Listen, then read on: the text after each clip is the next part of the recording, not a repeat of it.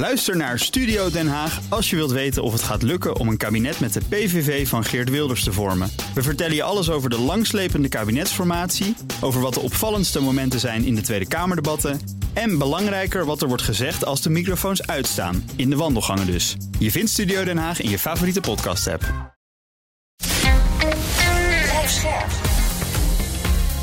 BNR Nieuwsradio.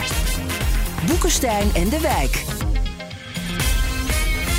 Paul van Liemt. Welkom bij Boekenstein en de Wijk. Het is dinsdag dag 566 van de oorlog in Oekraïne. We hebben ontzettend veel luisteraarsvragen binnengekregen. En het zijn uh, niet zomaar vragen. Luisteraars die zeer geïnteresseerd zijn, heel goed luisteren. Bob Abe, die zegt... Wat zijn de consequenties als bijvoorbeeld Polen en de Baltische Staten een coalition of the willing vormen en besluiten om Oekraïne te steunen met eigen troepen aan het front? En Abe die vervolgt, hij zegt op deze manier zouden ze direct betrokken raken bij de oorlog en Rusland zou conventioneel dan wel nucleair kunnen reageren. Omdat ze hiermee des te sterker naar het eigen volk kan verdedigen dat ze nu in direct conflict met de NAVO zijn. En daar voegt hij nog iets belangrijks aan toe. Kan de NAVO dan wel de EU statutair voorkomen dat er een coalition of the willing gevormd wordt met troepen naar het front. En als dat niet mogelijk is, kan de NAVO of de EU dan bepalen dat als Rusland reageert met een aanval op die landen en niet uh, onder behoud van artikel 5 of 42.7 gereageerd hoeft te worden. Dat zijn een paar vragen en één die toch op één ding neerkomen. Wie, wie van de heren wil erop ingaan? Nou, ik wil er wel iets over zeggen. Kijk, het is echt een verschrikkelijk goede vraag. Uh, want dit is denk ja. ik een nachtmerriescenario wat uh, hij schetst. Hè. Dus uh, de, de Polen, dan wel de Baltische Staten, die trekken op. Die maken een coalitie. En de grote vraag is, kun je dat voorkomen? kijk, je mag als op grond van artikel 52... mag je een land in nood helpen. Dat mag. Uh, artikel 52 van het handvest van de Verenigde Staten. Of is het nou 51? Nou, één van die twee. Uh, dat mag dus. Maar tegelijkertijd, als je dat doet, uh, dan zorg je ervoor dat de vrede en veiligheid in dit geval in een, groot, in, in een groot deel van Europa gewoon compleet ontregeld wordt. En dan zou er sprake kunnen zijn van een hele grote oorlog in Europa, waar ook de NAVO bij betrokken is. Ja, dat mag dus weer niet. Dus dan kan je ook weer terugverwijzen naar het, uh, naar het handvest van, uh, van de NAVO, het verdrag van de NAVO, het verdrag van Washington, uh, waarin in artikel 1 wordt gezegd: het gaat om vreedzame geschillenbeslechting. En de internationale vrede en veiligheid, dat is een hoog goed, en die mag niet in de waaghalt worden gesteld. Nou, dat doe je dus nu wel. Ehm, ja, dus je zit. Zo zijn er nog wel een aantal andere artikelen waar je ook aan kunt uh, refereren. Dus het, ik, ik denk dat het formeel wel mag. En de juristen kunnen daar dus ook uh, in, uh, in de verschillende verdragingen een handvat voor vinden. Maar tegelijkertijd mag het ook niet. En daar kun je in de verschillende verdragen ook een handvast, handvast, handvat voor vinden. Dus ik denk dat als de Polen en de Baltische Staten dit zouden willen gaan doen dat ze de halve, of nee, laten we zeggen, de rest van de Europese Unie en de NAVO over zich heen krijgen. En zeggen van hou daarmee op, doe dit niet. Ja, verdrag, verdragstech, verdragstechnisch kan het natuurlijk. Hè? Zoals de NAVO nu ook niet in strijd ja. is met Rusland. Het zijn NAVO-landen, dat is iets anders. Hè? Zo is het natuurlijk denkbaar dat Polen en het Balticum eigen troepen sturen. Wat ze dan wel doen, is dat ze eigenlijk de NAVO indirect opblazen. Want dan gaat de NAVO politiek eerst zeggen: Nou, we vinden dat gewoon helemaal geen goed idee. En als jullie het wel doen, nou, we kunnen jullie tegenhouden. Maar dan geldt artikel 5 niet meer voor jullie grondgebied. Om praktische redenen natuurlijk. Hè? Dus het is, het is een, mm -hmm. een, ramp, een, rampzalige situatie die ontstaat. En dit is een verrekte goede vraag. Want dan zie je dus weer hoe precair ja. het allemaal in elkaar steekt. Hè? En overigens is Polen nou ja, ik weet je, Arend Jan, zie je het nog niet zo gauw gebeuren. Nee, als je dus, er is een precedent. Hè? Uh, Turkije heeft een aantal uh, jaren geleden uh, besloten om zelfstandig te interveneren in Syrië. en toen bestond de vrees ook dat dat, dat dat ertoe zou leiden dat de NAVO-land, Turkije, in conflict zou kunnen komen met Syrië. Is allemaal gelukkig niet gebeurd, maar het zou wel kunnen. Wat er toen is gebeurd, is dat er toen een onderscheid is gemaakt tussen provoked en unprovoked aggression. Dus geprovoceerde en niet geprovoceerde agressie. Uh, als in, in, in het Turkse geval was er sprake dan van geprovoceerde uh, agressie. En toen is gezegd: als dat het geval is, dan gaat de NAVO daarin niet mee. En dan is artikel 5 niet van toepassing. Dat zou nu ook het geval kunnen zijn.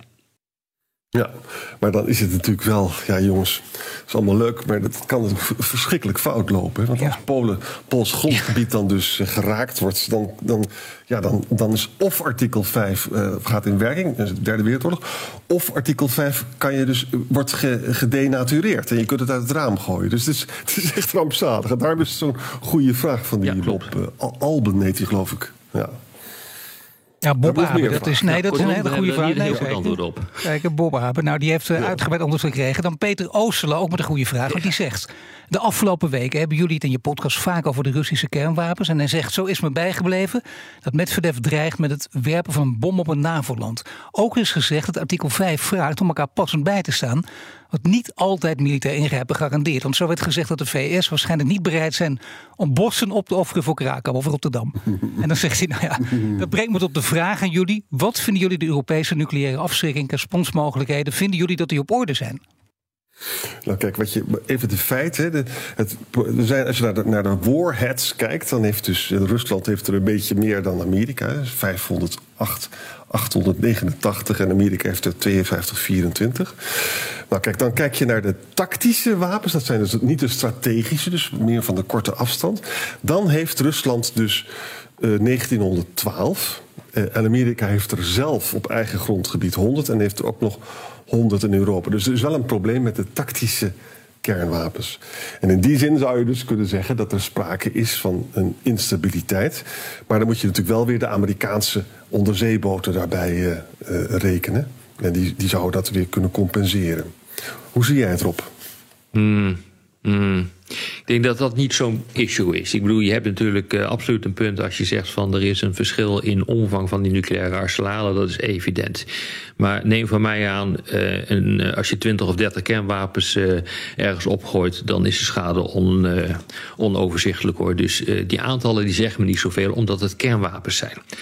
Het, nee, het, kijk, zijn vraag was een goede vraag, omdat hij zegt van ja, zijn de Amerikanen bereid om bossen op te offeren voor Krakau of Rotterdam?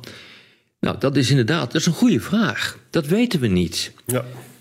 Um, en dat is denk ik de kern van de zaak. Van hoe sterk is nou die Amerikaanse nucleaire garantie? Realiseer je dat om deze redenen, om, om, om, ja, om deze redenen, de Fransen hebben besloten hun eigen kernwapenarsenalen op te bouwen. Althans, dat was een rechtvaardiging daarvoor. Uh, omdat zij er niet zeker van waren dat die Amerikanen daadwerkelijk Frankrijk zouden kunnen, uh, kunnen gaan steunen. Uh, dus dat, dat is één punt. Dus het antwoord is: dat klopt, dat weten we niet. Tegelijkertijd, en dat heet extended deterrence.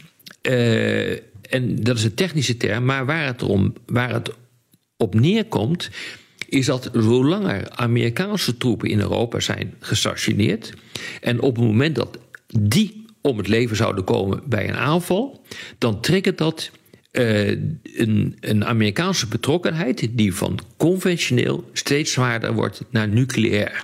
Dat is het hele idee uh, daarachter. Nou, dit is precies de reden waarom uh, Poetin ontzettend beducht is uh, voor een escalatie van dit conflict naar de NAVO. Ook hij weet niet zeker of de Amerikanen dat, uh, dat gaan doen. Maar je kunt ook maar beter het risico niet nemen. Dus die, die onzekerheid is de kern van het afschrikkingsdenken. Want als de Amerikanen het wel doen, ja, dat, dat, betekent ook het einde van, van Rusland. Dus daar heb je ook geen, geen zin in. Het is goed om te benadrukken dat vanaf het begin af aan, ook bij Adenauer zelf, eh, en, en zeker bij de Fransen, van ja, luister eens, het is natuurlijk niet zeker dat de Amerikanen bereid zijn om een grote stad op te offeren. Uh, voor een kernoorlog met Rusland. Hè? En, en bovendien in het, in het NAVO-verdrag, het verdrag van Worsten, staat ook: je kunt, wij kunnen militaire bijstand leveren, maar we kunnen het ook op, met financieel doen. Hè? Mm -hmm. Dus daar is van het begin af aan is daar gedonder over geweest. En je zou kunnen zeggen dat, is ook de, dat heeft altijd het gaullisme gevoed. En dat gaullisme zegt natuurlijk: we moeten zelf een kernwapen hebben.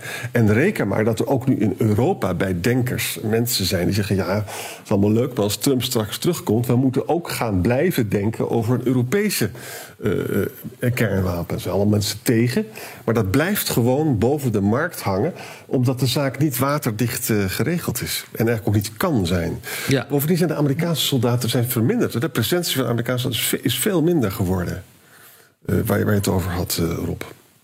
Nou, dat is niet helemaal waar, want er zijn uh, vele tienduizenden sinds de Oekraïne-crisis weer naar uh, Europa gekomen. Uh, nee, maar het probleem zit. Ja, je hebt natuurlijk absoluut gelijk dat het na de, tweede, na de Koude Oorlog is gebeurd. Toen heb je een enorme afbouw ge, gehad, maar die wordt, dat wordt nu weer meer. Nee, maar kijk, het hele punt is, en dat is de kern van het afschrikkingsdenken, uh, gokken me niet op. Uh, dat is gewoon uh, wat het is. Uh, dit is al decennia zo. En dan heb je dus de vraag van... vinden jullie, wij dus, het Europese nucleaire afschrikkingsdenken... de responsmogelijkheden voldoende, ja of nee? Het antwoord is ja. En je kunt daar allerlei technische uh, discussies op loslaten over aantallen raketten uh, die, die, die men heeft, aantallen bommen die men heeft, uh, allemaal tot je dienst. Dat is ook belangrijk. maar het gaat uiteindelijk gaat het om de bereidheid om die dingen in te zetten. Ja, en dat weet je dus niet. Maar ja, die kans is wel vrij groot dat dat wel gaat, uh, gaat gebeuren. Want anders zou Amerika ook geen uh, betrouwbare bondgenoot uh, meer zijn. Onder Trump zou ik daar een zeer grote vraagteken bij zetten. Daar ja. zou op dat moment, toen Trump aan de macht was, zou ik zeggen: nee. Dat is niet zo. Dat uh, is niet op orde. Dan moet je dus vertrouwen op de Britse en de Franse kernwapens. En dat weten we ook niet. De Britten hebben gezegd: nou, we gaan wel uh, onze kernwapens beschikbaar stellen voor de afschrikking van heel Europa. De Fransen zijn daar ambiguur in. Die zeggen dat dus niet. Maar onder Trump had ik gezegd: van nou, reken maar niet op de Amerikanen. Reken maar op de Britten en de Fransen als dat mogelijk is. En nu zeg ik: reken maar wel op Biden. Ja. De Fransen hebben 290 kernkoppen, de Britten hebben 225 en de Russen hebben er dus bijna 6000. Hè? Dus het geeft wel aan dat. Uh, ja, maar het, ja. nogmaals, dat zegt niet zoveel ja. hoor. Dat zegt niet zoveel. Kijk naar Korea.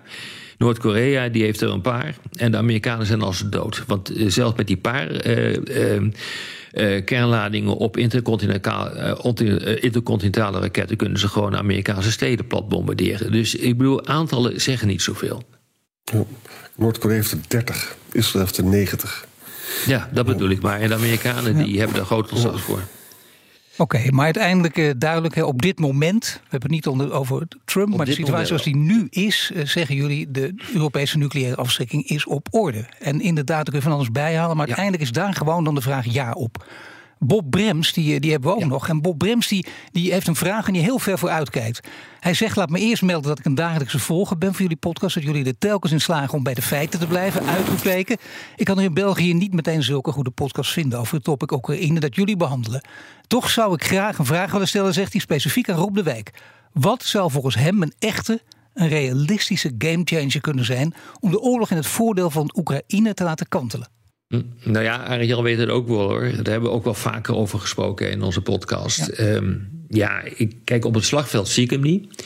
Uh, iedere keer uh, wordt er gezegd als er een nieuw groot wapensysteem wordt geïntroduceerd, dat is een gamechanger, maar dat is nooit uh, gebleken. Ook de F-16 zullen geen ga gamechanger zijn. En ook daar hebben we het vaker over gehad. De, de verklaring daarvoor is dat als er een nieuw wapensysteem wordt, wordt ingezet, gisteren hadden we het er ook nog even over, dan past Rusland zich aan aan dat nieuwe wapensysteem en maakt zichzelf op dat punt onkwetsbaarder. Dus um, ja, het, de, introductie van de nieuwe wapensystemen zijn geen regime changer. Uh, maar zorgen er wel voor dat Oekraïne uh, niet verliest. En dat is op zich is dat al fantastisch. Althans voor Oekraïne, niet voor Rusland. Uh, wat zijn dan wel de, de game changers? Nou, de game changers zijn in de eerste plaats natuurlijk een regime change. Een verandering van het regime in, in het Kremlin. Dat kan. Die kans is niet zo groot. Ik denk zeker nadat uh, Prigozhin uh, uit de lucht is uh, geschoten en zijn opmars naar Oekraïne of naar Moskou tot stand is gebracht, is de positie van van, van Kremlin in zijn kliek, in het Kremlin van Poetin en zijn kliek is versterkt. Dus dat zie ik niet makkelijk gebeuren.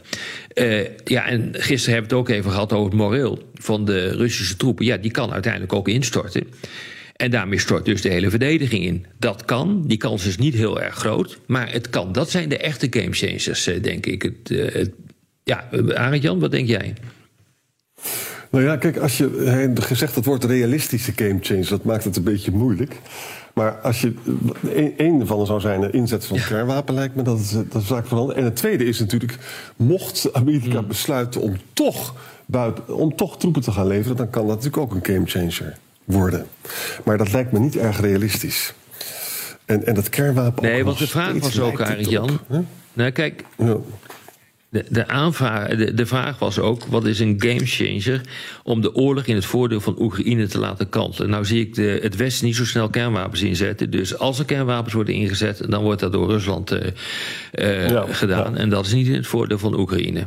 dus, uh, maar het kan wel. Ja, het is wel een gamechanger. Dat, dat is het ding dat zeker is. Maar, maar, maar misschien nog even ten overvloede. Kijk, waar plan je op? Hè?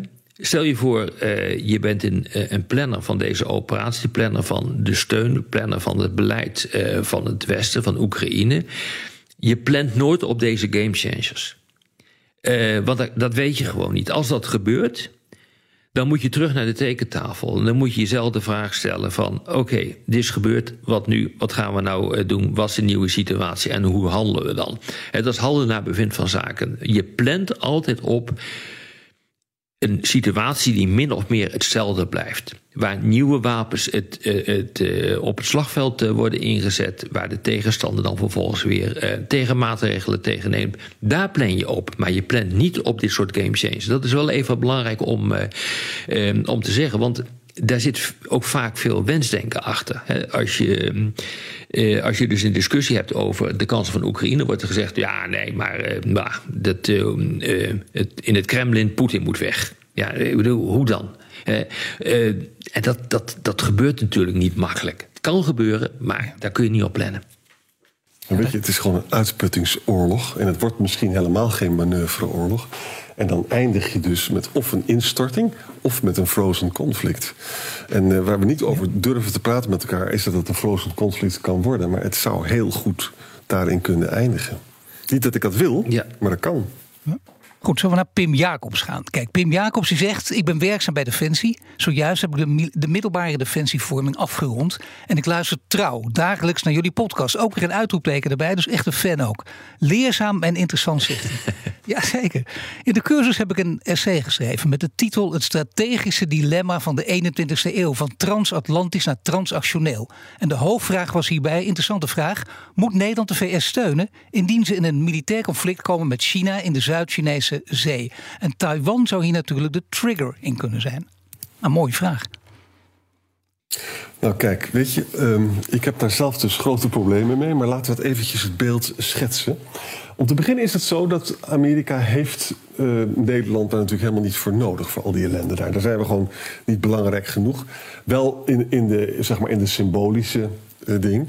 Maar is het werkelijk een Nederlands belang en ook een Europees belang om de Amerikaanse kant openlijk te kiezen en ook daar dan uh, militair mee te gaan vechten in over Taiwan. Ik acht dat heel erg twijfelachtig, omdat wij dus veel enorme economische relaties hebben met China.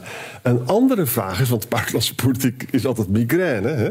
Een andere vraag is, wij zijn nog steeds ontzettend afhankelijk in veiligheidsopzicht van de Amerikanen. Dat gaat ook niet snel veranderen.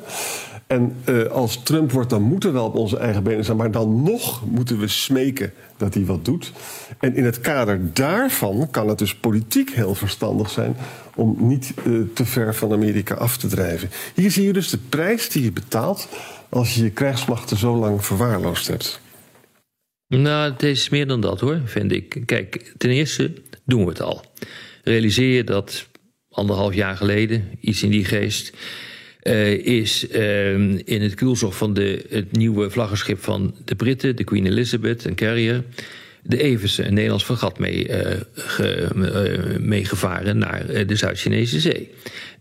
daar is een escade gevormd met de Amerikanen, dus we doen het al. reciprociteit is cruciaal hier. wij verwachten dat de Amerikanen ons steunen in de Oekraïne-oorlog uh, tegen, ja. tegen Rusland.